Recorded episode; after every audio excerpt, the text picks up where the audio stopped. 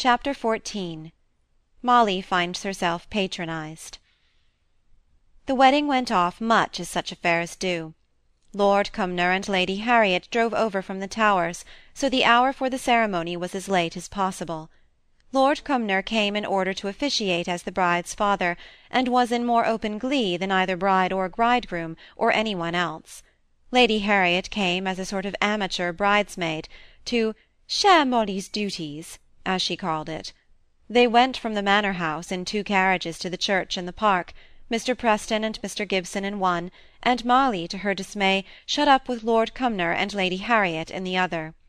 Lady Harriet's gown of white muslin had seen one or two garden parties, and was not in the freshest order. It had been rather a freak of the young ladies at the last moment.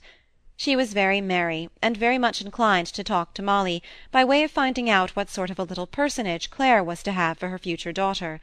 She began, "We mustn't crush this pretty muslin dress of yours. Put it over papa's knee; he doesn't mind it in the least." "What, my dear, a white dress? No, to be sure not. I rather like it. Besides, going to a wedding, who minds anything? It would be different if we were going to a funeral." Molly conscientiously strove to find out the meaning of this speech, but before she had done so, Lady Harriet spoke again, going to the point, as she always piqued herself on doing. "I dare say it's something of a trial to you, this second marriage of your father's, but you'll find Clare the most amiable of women. She always let me have my own way, and I've no doubt she'll let you have yours." "I mean to try and like her said Molly in a low voice, striving hard to keep down the tears that would keep rising to her eyes this morning. "I have seen very little of her yet." "Why, it's the very best thing for you that could have happened, my dear," said Lord Cumnor. "You're growing up into a young lady, and a very pretty young lady too, if you'll allow an old man to say so. And what so proper as your father's wife to bring you out, and show you off, and take you to balls, and that kind of thing? I always said this match that is going to come off to-day was the most suitable thing I ever knew, and it's even a better thing for you than for the people themselves." "Poor child!" said Lady Harriet, who had caught a sight of Molly's troubled face. "The thought of balls is too much for her just now. But you'll like having Cynthia Kirkpatrick for a companion, shan't you, dear?" "Very much," said Molly, cheering up a little. "Do you know her?" Oh, I've seen her over and over again when she was a little girl, and once or twice since. She's the prettiest creature that you ever saw, and with eyes that mean mischief if I'm not much mistaken. But Clare kept her spirit under pretty well when she was staying with us, afraid of her being troublesome, I fancy." Before Molly could shape her next question, they were at the church, and she and Lady Harriet went into a pew near the door to wait for the bride, in whose train they were to proceed to the altar. The Earl drove on alone to fetch her from her own house, not a quarter of a mile distant. It was pleasant to her to be led to the hymeneal altar by a belted Earl, and pleasant to have his daughter as a volunteer bridesmaid. Mrs. Kirkpatrick, in this flush of small gratifications, and on the brink of matrimony with a man whom she liked, and who would be bound to support her without any exertion of her own, looked beamingly happy and handsome. A little cloud came over her face at the sight of Mr. Preston, the sweet perpetuity of her smile was rather disturbed as he followed in Mr. Gibson's wake. But his face never changed; he bowed to her gravely, and then seemed absorbed in the service. Ten minutes, and all was over. The bride and bridegroom were driving together to the Manor House, Mr. Preston was walking thither by a short cut, and Molly was again in the carriage with my lord, rubbing his hands and chuckling, and Lady Harriet, trying to be kind and consolatory when her silence would have been the best comfort. Molly found out to her dismay that the plan was for her to return with Lord Cumnor and Lady Harriet when they went back to the Towers in the evening. In the meantime Lord Cumnor had business to do with Mr. Preston, and after the happy couple had driven off on their week's holiday tour, she was to be left alone with the formidable Lady Harriet. When they were by themselves after all the others had been thus disposed of, Lady Harriet sat still over the drawing-room fire, holding a screen between it and her face, but gazing intently at Molly for a minute or two.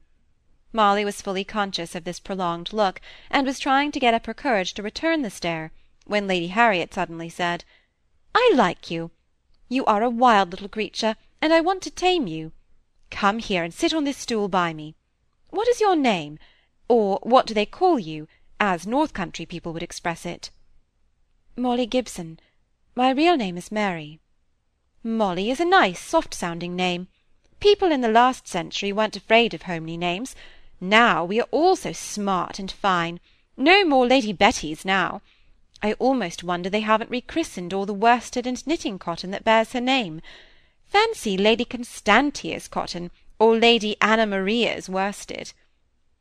I didn't know there was a Lady Betty's cotton, said Molly. That proves you don't do fancy work. You'll find Clare will set you to it, though.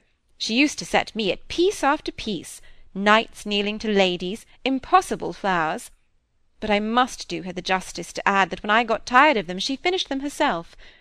I wonder how you'll get on together. So do I, sighed out Molly under her breath. I used to think I managed her, till one day an uncomfortable suspicion arose that all the time she had been managing me.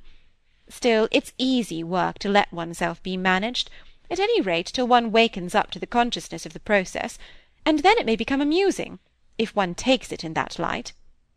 I should hate to be managed, said Molly indignantly.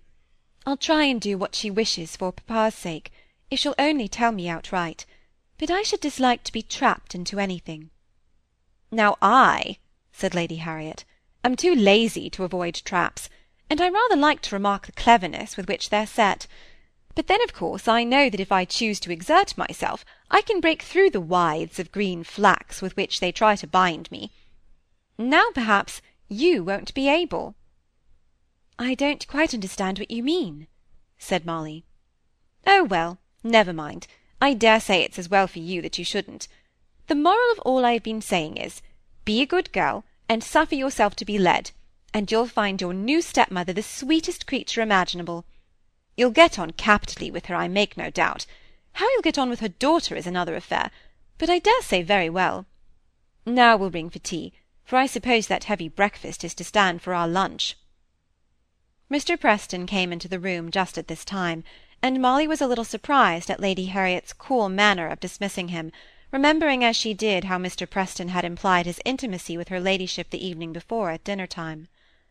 I cannot bear that sort of person, said Lady Harriet, almost before he was out of hearing. Giving himself airs of gallantry towards one to whom his simple respect is all his duty. I can talk to one of my father's labourers with pleasure, while with a man like that, underbred fop, I am all over thorns and nettles. What is it the Irish call that style of creature? They've some capital word for it, I know. What is it? I don't know. I never heard it said Molly, a little ashamed of her ignorance.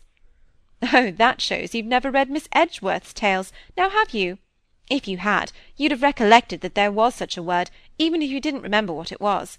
If you've never read those stories, they'd be just the thing to beguile your solitude, vastly improving and moral, and yet quite sufficiently interesting. I'll lend them to you while you're all alone. I'm not alone. I'm not at home, but on a visit to Miss Brownings. Then I'll bring them to you. I know the Miss Brownings. They used to come regularly on the school day to the Towers. Pecksy and Flapsy, I used to call them. I like the Miss Brownings. One gets enough of respect from them, at any rate, and I've always wanted to see the kind of menage of such people. I'll bring you a whole pile of Miss Edgeworth's stories, my dear. Molly sat quite silent for a minute or two. Then she mustered up courage to speak out what was in her mind.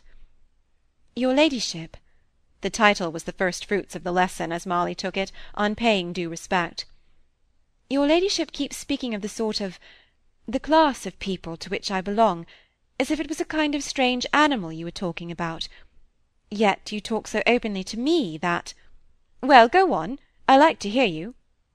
Still silence. You think me in your heart a little impertinent, now don't you? said Lady Harriet, almost kindly. Molly held her peace for two or three moments.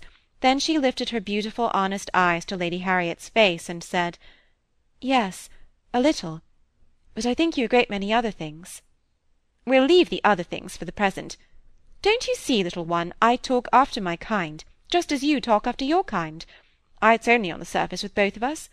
Why, I dare say some of your good Hollingford ladies talk of the poor people in a manner which they would consider as impertinent in their turn, if they could hear it. But I ought to be more considerate when I remember how often my blood is boiled at the modes of speech and behaviour of one of my aunts, mamma's sister, Lady—no, I won't name names. Any one who earns his livelihood by any exercise of head or hands, from professional people and rich merchants down to labourers, she calls persons.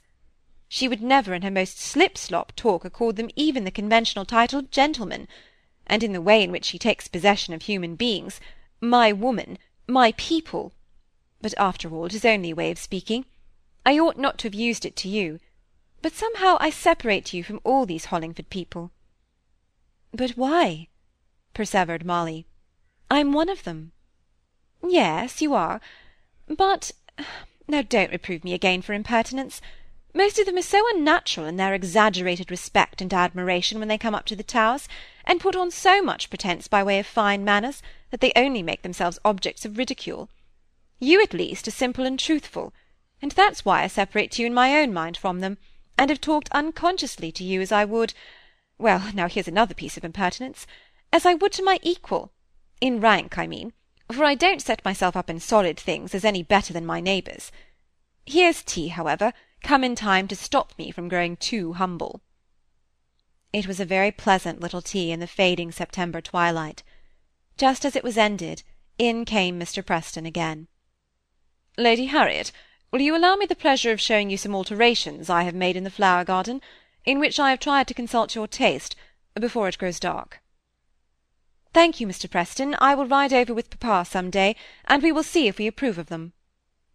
Mr. Preston's brow flushed but he affected not to perceive Lady Harriet's haughtiness, and turning to Molly, he said, "Will not you come out, Miss Gibson, and see something of the gardens? You haven't been out at all, I think, excepting to church." Molly did not like the idea of going out for a walk with only Mr. Preston, yet she pined for a little fresh air, would have been glad to see the gardens and look at the manor house from different aspects, and besides this, much as she recoiled from Mr. Preston, she felt sorry for him under the repulse he had just received. While she was hesitating and slowly tending towards consent, Lady Harriet spoke. "I cannot spare Miss Gibson. If she would like to see the place, I will bring her over some day myself." When he had left the room, Lady Harriet said, "I dare say it's my own lazy selfishness that has kept you indoors all day against your will. But at any rate you are not to go out walking with that man. I've an instinctive aversion to him. Not entirely instinctive either. It has some foundation, in fact and I desire you don't allow him ever to get intimate with you. He is a very clever land agent, and does his duty by papa, and I don't choose to be taken up for libel. But remember what I say." Then the carriage came round, and after numberless last words from the Earl, who appeared to have put off every possible direction to the moment when he stood, like an awkward Mercury, balancing himself on the step of the carriage, they drove back to the Towers. "Would you rather come in and dine with us? We should send you home, of course or go home straight?" asked Lady Harriet of Molly. She and her father had both been sleeping till they drew up at the bottom of the flight of steps. "Tell the truth now and evermore. Truth is generally amusing, if it's nothing else." "I would rather go back to Miss Brownings at once, please," said Molly, with a nightmare-like recollection of the last, the only evening she had spent at the Towers. Lord Cumnor was standing on the steps waiting to hand his daughter out of the carriage. Lady Harriet stopped to kiss Molly on the forehead, and to say, "I shall come some day soon, and bring you a load of Miss Edgeworth's tales, and make further acquaintance with Pecksy and Flapsy." "No, don't, please," said Molly, taking hold of her, to detain her. "You must not come; indeed you must not." "Why not?" "Because I would rather not; because I think that I ought not to have any one coming to see me who laughs at the friends I am staying with, and calls them names. Molly's heart beat very fast, but she meant every word that she said. "My dear little woman," said Lady Harriet, bending over her and speaking quite gravely, "I'm very sorry to have called them names, very, very sorry to have hurt you. If I promise you to be respectful to them in word and in deed, and in very thought if I can, you'll let me then, won't you?" Molly hesitated. "I'd better go home at once. I shall only say wrong things and there's Lord Cumnor waiting all this time." "Let him alone. He's very well amused hearing all the news of the day from Brown. Then I shall come, under promise." So Molly drove off in solitary grandeur, and Miss Browning's knocker was loosened on its venerable hinges by the never-ending peal of Lord Cumnor's footman. They were full of welcome, full of curiosity. All through the long day they had been missing their bright young visitor, and three or four times in every hour they had been wondering and settling what everybody was doing at that exact minute. What had become of Molly during all the afternoon had been a great perplexity to them, and they were very much oppressed with a sense of the great honour she had received in being allowed to spend so many hours alone with Lady Harriet. They were indeed more excited by this one fact than by all the details of the wedding, most of which they had known beforehand, and talked over with much perseverance during the day. Molly began to feel as if there was some foundation for Lady Harriet's inclination to ridicule the worship paid by the good people of Hollingford to their liege lord, and to wonder with what tokens of reverence they would receive Lady Harriet if she came to pay her promised visit.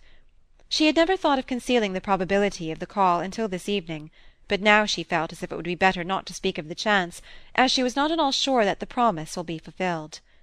Before Lady Harriet's call was paid, Molly received another visit.